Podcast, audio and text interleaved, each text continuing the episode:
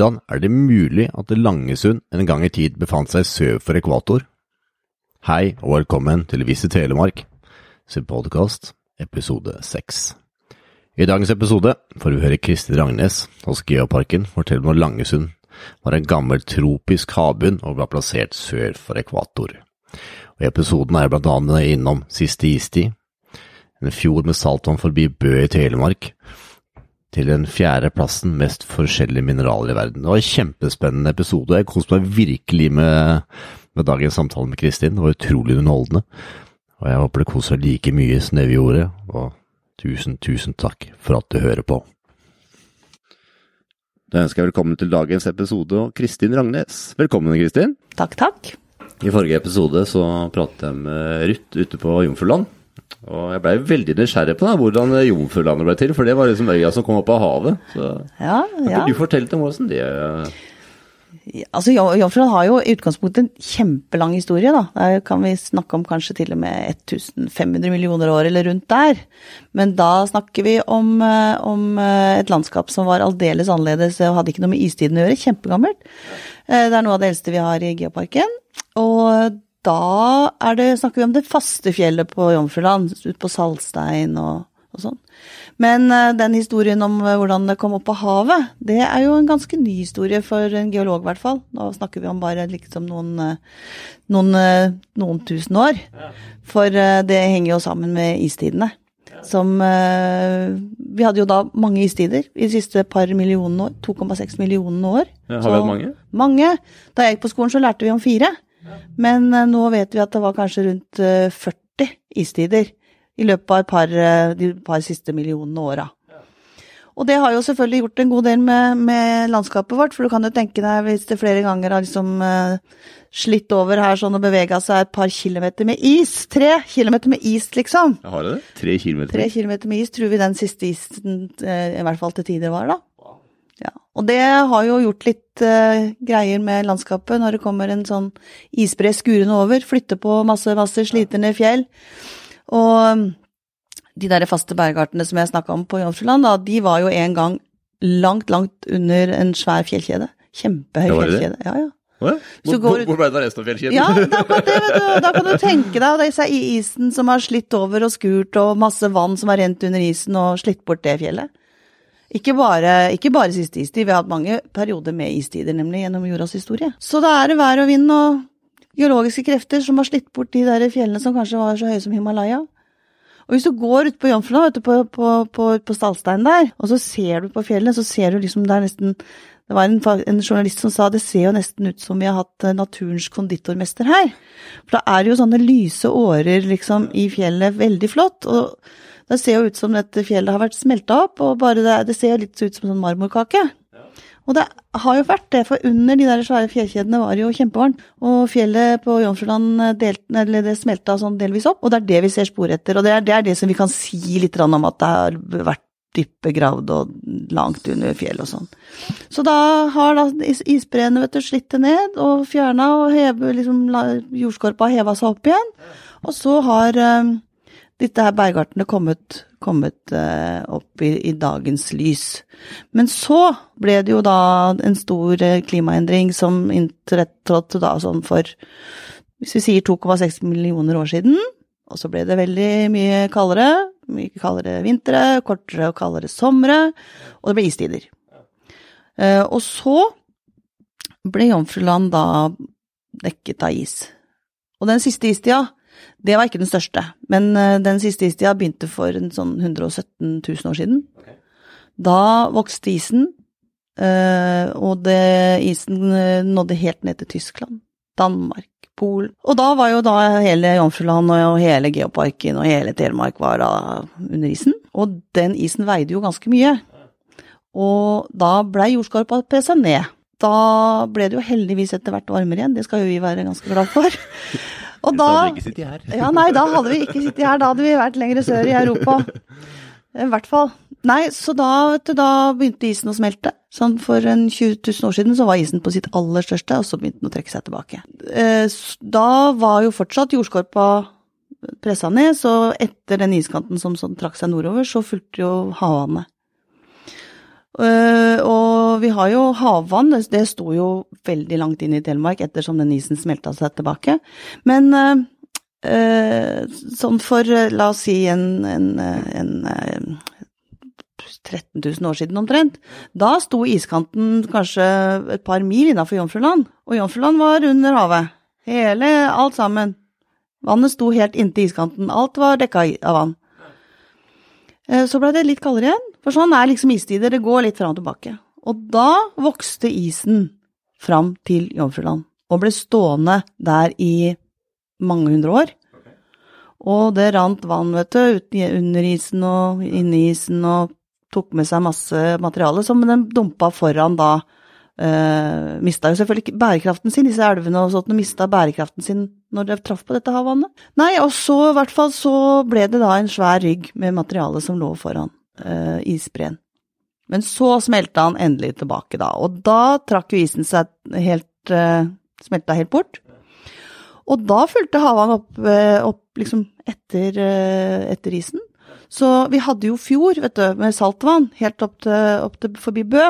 Og langt opp i, eh, eh, Lågendalen, så gikk det opp til Skollenborg, vet du, ved Kongsberg, så sto var en fjordarm. Og Siljan var jo en fjordarm.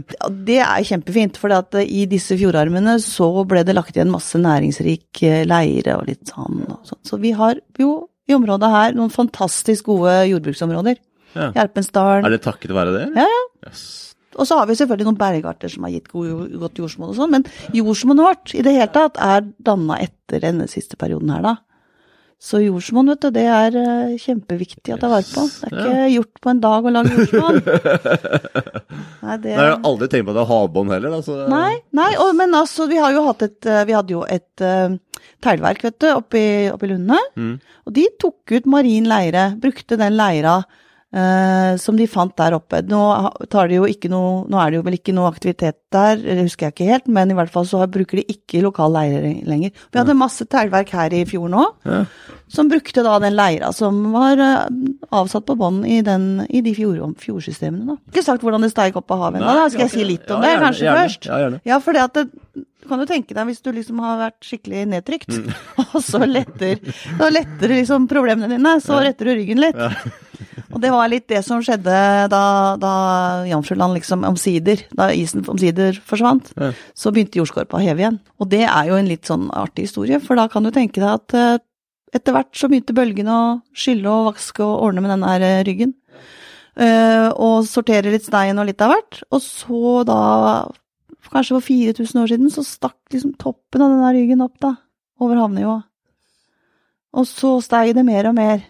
Og så til slutt så kom hele det som i dag er Jomfruland opp til over. Så det er jo en også ganske artig historie. Da. Er det det? Ja, ja. For da kan du tenke deg, så, vet du, det var veldig fint. For etter hvert som vinden begynte å få tak, så kasta de sanda på innsida.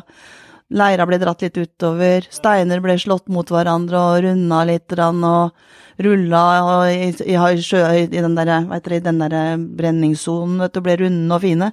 Og så er resultatet det vi finner i dag. Jomfruland med flotte sandstrender på innsida, vindblåste dyner til og med, og rullesteinstranda på utsida.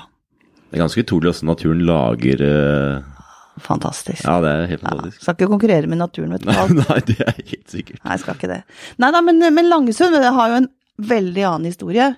Uh, nå vet jeg ikke om du tenker bare på spesielt Langesund, eller om du ser litt utafor uh, Langesund sentrum, i hvert fall. Så må vi jo litt tilbake igjen til fjellkjeden. Ja. Hvis du i hvert fall er på Rognstranda og på Svaberga der. Da må vi tilbake igjen til den svære fjellkjeden. Ja. Litt yngre fjell enn vi finner i Kragerø, men, eller litt yngre stein som er der nå. Eh, kanskje bare en milliard. Bare en milliard. Tusen millioner år. Hæ? Er, vi snakker perspektiver. Ja, det er, det er liksom litt sånn, du må aldri vente, du må, du må liksom aldri helt tro på en geolog som sier at jeg kommer snart, for det kan jo være så mye for en geolog. Jeg skal snart være ferdig med det. Nei da, men, men ja, nei, det er lange tidsperspektiver. Men i hvert fall så, så der har vi igjen den samme liksom berggrunnen som, som vi hadde litt sånn tilsvarende i Kragerø. For øvrig så kaller vi da geologene kaller det Bamble, det lar vi gå helt ifra Høgenhei ned til Kristiansand. Det kaller vi Bamlefeltet. Ja. Er ikke det fint? Det, jeg må ordlegge meg litt annerledes når jeg er i Kragerø, men når vi er i Bamble, så forteller vi alltid det. Det heter liksom Det er en helt spesiell historie, en geologisk historie om Bamblefeltet. For da Vi snakker jo om, om eh, svære ting her. Eh, For det er jo, når du står på Rognstranda, så er det jo helt klart at det er en helt annen Eller det er lett å se, da, at på den vestre sida av Rognstranda så er det jo glatte, fine svaberg, mens eh, på andre sida så står det jo eh, sånn skilt fra kommunen at du helst ikke skal gå langs veien der, for det er så rasfarlig. Fra den kanten som, eh, som vi kaller for eh, Rognsflauene. For der eh, er det helt andre lagdelte bergarter som sprekker og kan rase. Sånn at eh, det er jo liksom en helt annen historie. Men hvis vi først eh, ser litt på selve Bamlefeltet, da, så var jo da Telemark eh, et eh, helt annerledes landskap enn det er nå. Og det, har vært mye bevegelser, og vi har kollidert med kontinenter, og vi har liksom gjort mye rart. Og eh, nå tar jeg jo fram et kart, og det ser jo ikke de som hører på, men, eh, men et, kart, et, et geologisk kart over geoparken, det er Vi har noen veldig enkle kart hvor hele den, hele den, hele den vestre delen er helt rosa. Og den øh, er jo da ikke det egentlig i virkeligheten, det er et veldig forenkla kart. Og hvis du ser da, hvis jeg hadde, hvis jeg hadde sett det den nederste delen, av sørligste delen av geoparken, som vi kaller for Bamlefeltet, er ganske mye mer farver. Og dette her henger sammen med øh, egentlig svingen helt opp i Porsgrunn nå, hvordan elva i, øh, i Porsgrunn dette gjør en nesten 90 graders sving. I en kjempestor forkastning, kaller vi det en svær sone hvor noe har bevega på seg. Og da har hele dette her sørlige delen i geoparken har vært en svær blokk som har heva seg opp og skjøvet seg inn over resten av Telemark. Og så er de blitt slitt ganske likt etter eh, av istidene, men dermed så har vi fått et kjempemye dypere snitt av jordskorpa. Av det som var under fjellene, har vi fått bevart her i Bamble-området og Kragerø-området. Og akkurat den der svære skiva som er skrevet, eller det feltet, det området som er skjøvet opp sånn, det eh, kjenner vi helt ned til Kristiansand. Der slutter det. Og derfor så kaller vi det Bamlefeltet helt ned til Kristiansand, da. Og det er utrolig mye spennende geologi der. Masse eh, jernverk som har fått jern fra området i dette, i dette geologiske feltet. Det har vært masse forekomster av eh, snåle mineraler i, i Bamble-området. Eh, vi driver jo fortsatt eh, kvartsbrudd eh, ute inne i Kilfjorden, og vi har uttak av forskjellige mineraler, og historisk sett et veldig, veldig viktig område for bergverk i Norge, dette geologiske området her. Spennende. Ja, veldig spennende. Det er veldig spennende. Det, og der har vi altså Svaberga da på, på Rognstranda, som er del av dette feltet her. Men så er det disse her rare stripete bergartene som du kommer over i når du kjører eh, fra Rognstranda og mot eh, Langesund. Da kjører du gjennom en veldig veldig annerledes historie i norgesgeologien. For da kjører vi altså gjennom gammel tropisk havbunn. Og den tropisk... Fortell. Ja, da skal jeg fortelle om det. For da var det Norge igjen, da. Da hadde vi liksom uh, bevega oss litt rundt på jordskorpa. Vi var del av et eh, kontinent som vi kaller for Baltika. Og Baltika befant seg for eh, 400, nei, 540 millioner år siden, så befant vi oss ganske langt sør for ekvator. Mhm. Så det var ikke det at det var tropisk miljø her, det var ikke en stor klimaendring som eh, var skjedd da, det var bare at vi var i de tropiske områdene. Og fjellkjeden, da var den, eh, denne fjellkjeden som vi hadde hatt, var slitt ned. Vi var et sletteland, og inn over dette slettelandet så strømma havvannet. Og i, det havet, da, da kan du tenke deg, det var i tropene, det var kjempedeilig varmt og annet. Ikke noe plastforurensning den gangen. Det var altså bare klart og fint. Og i dette havet her, så var det selvfølgelig litt sånn slam og sand og sånn som ble avsatt, akkurat som har vi i dag. Det er nemlig ganske viktig når man tenker på geologi, at det var ikke sånn helt andre krefter som virka. De skjer jo i dag òg. Det er jo sand og søle og mudder på havbunnen nå. Og det som var så spennende her, var at akkurat når dette skjedde, når vi på en måte ble dekket av dette tropiske havet, så falt det sammen med at eh, dyrelivet i havet, det Jeg pleier å si at de, var, de der som levde i havet, de var sikkert kjempelei av å bli spist av hverandre. Det, er- det er en veldig, veldig forenkling, altså. Men de klarte i hvert fall å trekke kalk ut fra havvannet og lage kalkskall. Og det hadde jo stor betydning, for da fikk de jo et ytre skjelett og kunne utvikle større former. Og, og, da, da, det, og det kan vi finne igjen som fossiler i disse laga.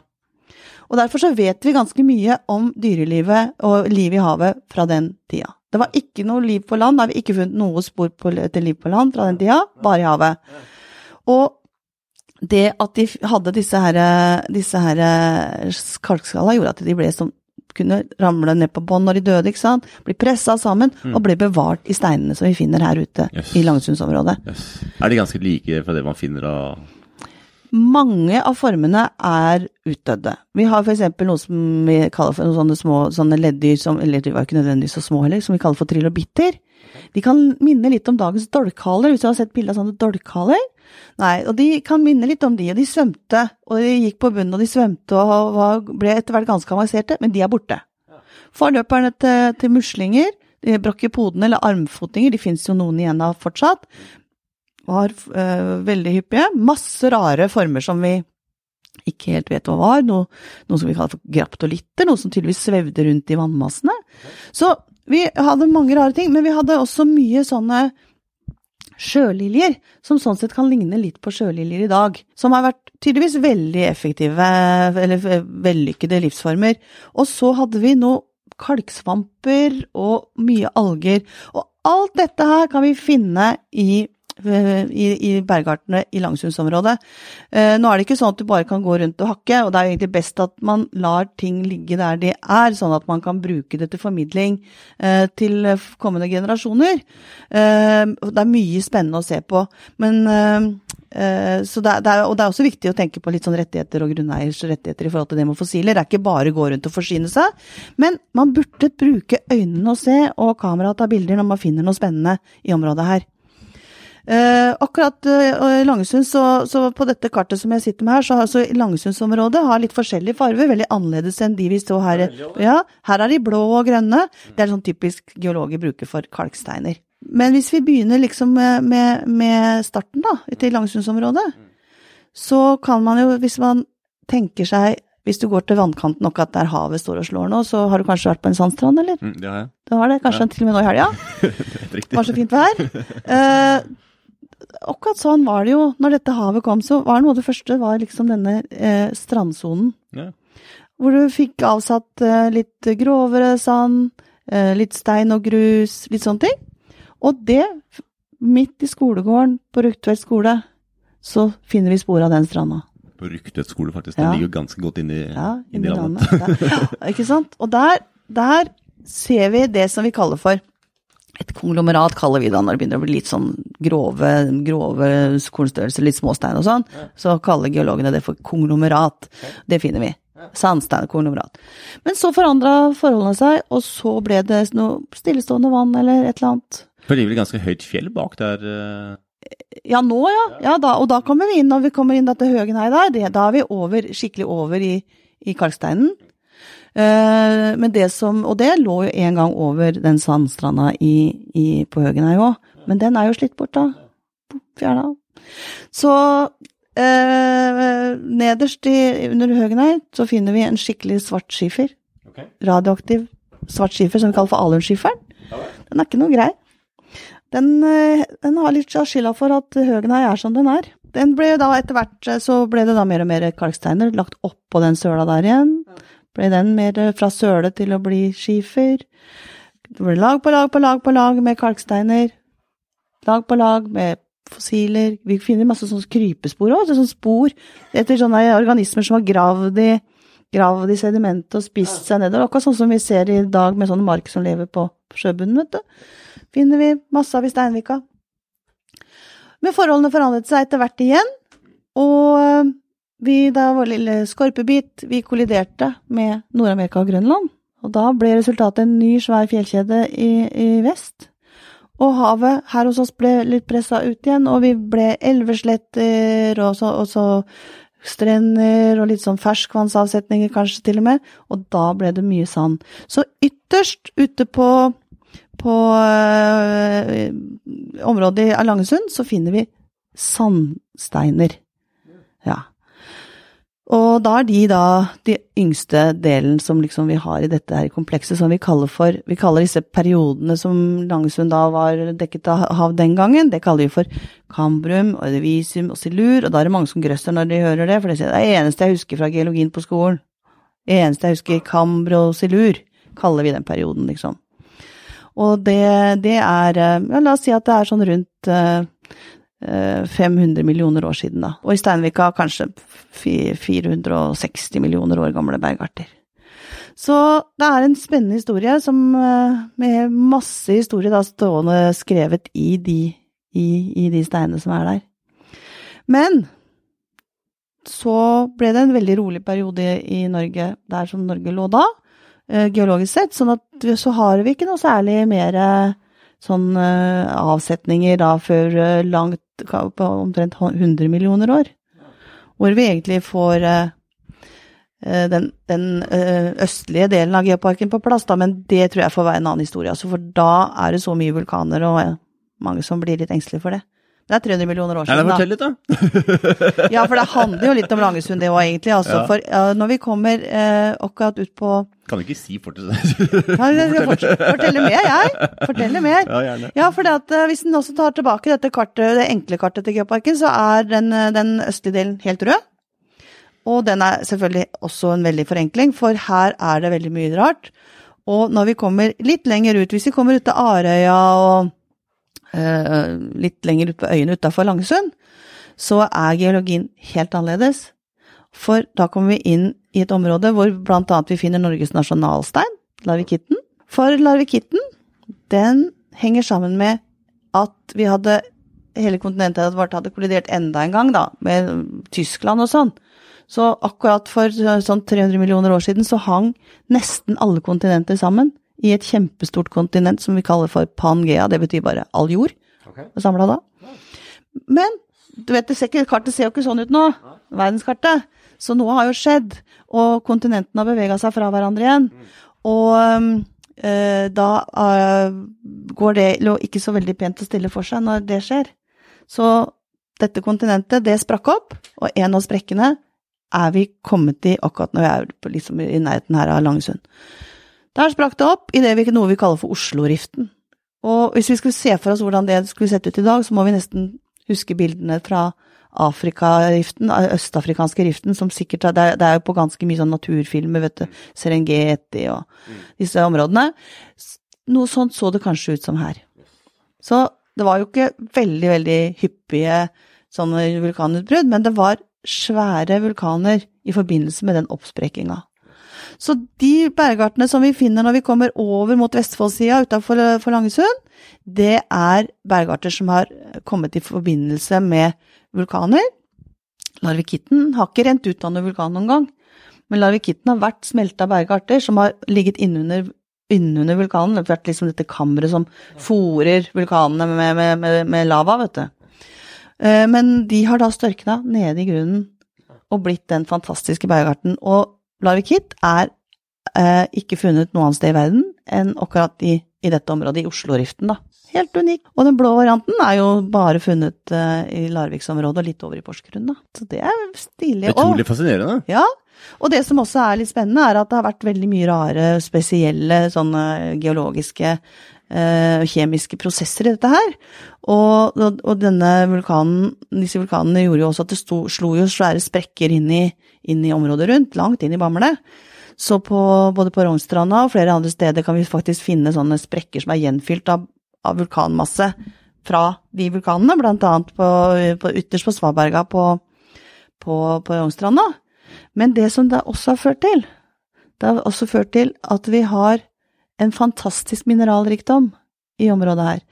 Og da er det så fint igjen da, at hele den fjorden her sånn, da kalles vi for liksom Langesundsfjorden. Selv om den går over inn i Vestfold, så kaller vi det for Langesundsfjordens mineralforekomster, kaller vi. Og det er vel, et, så vidt jeg vet, da, så er dette her det området i, ver i verden altså, Hvis du tar en liste over områder i verden med flest forskjellige mineraler, så er dette på fjerdeplass. Og vi har funnet veldig mye rare, rare mineraler her. Og, spesielle, og det fortsatt, finnes fortsatt nye mineraler. Finner noen folk finner, som de får registrert etter en voldsom prosess. Nye mineraler. Men det vi må snakke litt om, bare for å si da, at grunnstoffet thorium, som veldig mange nå hører om i forbindelse med Fensfeltet oppe i Ulefoss, det ble funnet for første gang på Løvøya utafor Porsgrunn. Og det er også i forbindelse, eller danna i forbindelse med den, denne vulkanismen. Så da var det en eh, prest, eh, en geologsønn, som var prest i, i eh, Brevik, som var på andjakt, og fant et rart mineral på Løvøya som han ikke hadde sett før. Og det viste seg altså å inneholde et helt nytt grunnstoff, som ble kalt thorium, etter vår havgud Thor. Og øh, så var det da også et nytt mineral, som da ble, het, som ble kalt for toritt, som er selvfølgelig samme opphavet. Den norrøne guden Thor. Så det er ikke oppdaget for første gang på Fen eller noe annet sted. Løvøya ved Porsgrunn. Yes. Ja. Fascinerende. Ja. ja, altså vi har jo noen verneområder i, i, rundt Langesund, og det er viktig, viktig å, å vite hva man eh, gjør og ikke gjør i verneområder. For eksempel så er jo Steinvika et verna område pga. geologien. Eh, også er det eh, masse spennende lavarter eh, som man også skal ta vare på. Men, eh, men vernet går jo, også, går jo på, på geologien eh, i Steinvika. Og ute i Steinvika så har vi et av i hvert fall Nord-Europas eldste rev. Og nå sier jeg ikke korallrev, Nei, jeg sier rev. Hva er forskjellen? Ja, for da, det, dette her er fra den perioden Det er ikke rev på fire bein? eller? Ja, nei, ikke rev på fire bein. Det hadde vært litt artig hvis det hadde vært der ute, men det er det ikke. Nei, det er et rev. Men det er ikke bygd opp av koraller, for korallene var ikke riktig kommet helt i utviklingen, da. Så ytterst eh, ved, ved, ved badetrappa i, gutt, i Jentesteinvika, så er det masse revforekomster. Og disse revene er bygd opp av eh, veldig mye sjøliljer og, og sånne ting, men også noe, disse rare kalksvampene. Vi kaller for, for stromatoporoider, kaller vi det. Men, og de er laget noen sånne svære matter-aktig. Og eh, var antagelig sånne rev som var sånn fragmenterte. Det var ikke sånn, det var ikke sånn, det var ikke sånn barriererev som du hørte om fra Australia. Men akkurat der ute så kan vi til og med se at dette revet Det er akkurat som kanten av et rev. Kanten av en sånn der flekk med revutvikling. Eh, og så har det da skjedd et eller annet, kanskje det har vært et jordskjelv et eller annet, som har gjort at det har kommet masse sølevann ut eh, i sjøen og dekket revet. Og akkurat da, som nå, så, så, så er rev, rev, de revbyggende organismene avhengig av rent vann og sollys for å leve. Og når de blir dekka av en slamstrøm, en skikkelig sånn halvmeter tjukk eh, slamstrøm, så dør revet. Og det er en historie vi kan fortelle ute i Steinvika. Og der er vi jo ofte ute og guider turer og forteller historien og vandrer og ser. Og det er vi litt opptatt av når det gjelder verneområder. At man skal forstå hvorfor ting er verna, og hvorfor det er verdt å ta vare på. Og historien bak er jo fantastisk spennende. Ja, vi har masse guida turer. Eh, Vi har det på sommeren. Vi har jo blant annet en flott båttur i samarbeid med Visit Grenland. Og, og med Dykkon, båten, som vi tar et par turer eh, i, i sesongen hvor vi er ute og kjører i fjordområdet her. Og da starter vi fra Brevik, og så går vi inn litt inn i Eidangerfjorden og over og ser på Larvikitten. Og noen ganger kommer vi helt inn i, inn i eh, til Arøya og får se på der som Hydro hadde sitt aller første kalkbrudd. Eh, men eh, det spørs litt på været. Men det er iallfall flotte turer. Så, Så da, spennende. Ja, da det vil jeg være med på. Når ja, er det? Nei, når er det? Nei, jeg husker jo ikke, men da må du gå inn på geoparken.no. Eller så kan du få med deg et program også, et trygt program. Og så er vi, går det an å like oss på Facebook, så får du masse informasjon om turene våre der. Vi deler og ordner der. Det er Geoparken. Ja, ja. Det er det, så det er morsomme turer. Men, men det er jo også en artig ting, det der med, med eh, nå, er jo, nå er jo Notodden og Rjukan blitt eh, UNESCO verdensarv. Industriarven. Eh, og for oss er det jo en helt veldig klar sammenheng mellom eh, UNESCO global geopark, som vi er, og, og verdensarv i forhold til akkurat dette med Hydro, da. Fordi at eh, det var jo ikke bare det var liksom, det var, Da Hydro starta, så var det jo ikke bare luft og kjærlighet man kunne drive på. Si. Det var jo ikke bare nitrogen fra lufta. Det var- jo det som var den geniale prosessen de kom på, at de kunne trekke nitrogen ut fra, fra lufta. Men de trengte litt mer, og de trengte kalkstein. Og kalkstein er det ikke noe på Notodden, nemlig.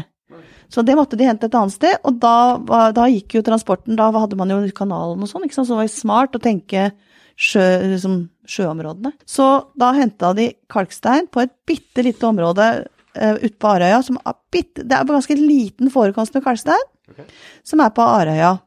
Og da henta de eh, kalkstein, tok de over på og, og kjørte det da til, frakta det da til, til eh, Notodden. Eh, det er ikke noe veldig stor forekomst. Den var ganske lys. Den kalksteinen der ute er det. Sånn at eh, den første fullgjødselen de lagde, eller den første norgessalpeteren de lagde, var ganske lys i farven. Men eh, så ble det jo etter hvert tungvint, og det var veldig væravhengig og sånn, og de fikk ut kalkstein her, så de flytta det inn på Langesundshalvøya. Eh, og da mellom Langesund og Statelle er det også flere brudd små, som de tok ut kalkstein fra, og kjørte og frakta til Notodden. Og etter hvert så flytta de produksjonen til Kjørholt, til gruvene ved dalen, altså ved, ved Heistad, eh, da i nærheten av forekomstene til Dalen Portland sementfabrikk. Men da hadde Hydro egne, egne gruveanlegg da på Kjørholt. Så det er en også spennende kalksteinshistorie i Langesundsområdet. Selv om det ble flytta da over til andre sida av inn på Breviks-sida etter hvert. Ja. Er det noe annet rundt i området her uh, som vi ikke har vært innom, som er spennende? Eller, og som dere gjerne har noen andre turer, eller? Eh, ja, så Vi har jo turer som vi har, det som vi har vært innom, altså turer på, på Rognstranda. Og der har vi veldig mye undervisning òg, for det er et veldig veldig godt sted å, å, lære mye geologi. Ja, Finner de også på samme plassen som uh, båtturen, eller? Ja, akkurat nå har vi vel ikke noen guida turer på, på Rognstranda denne sesongen, for vi, vi bytter litt på. Okay. Så, så og, Men så har vi jo vi har mange, vi har jo flere turer på, på, på Jomfruland. Ja. Også sammen med, med, med Ruth. Ja. Fordi at det som er litt spennende i området her, er at landskapet vårt og forskjelligheten og den store spennvidden i, i ulike typer landskap innenfor et lite område har jo også vært ganske attraktiv for en del kunstnere, som, som Theodor Kittelsen, Edvard Munch for eksempel, og Ibsen, vet du, han satt jo i Skien og så sikkert Kanskje han så jernverksarbeiderne som gikk til, eh, til, gruvene langt inne i skogen, og så skrev han jo diktet 'Bergmannen', da, som sånn sett handler vel om dypet i oss selv, men ja. det handler jo om også om å avlure fjellets indre, dets hemmeligheter. så det er mange historier vi kan lage i området her. Utrolig spennende, Kristin. Ja.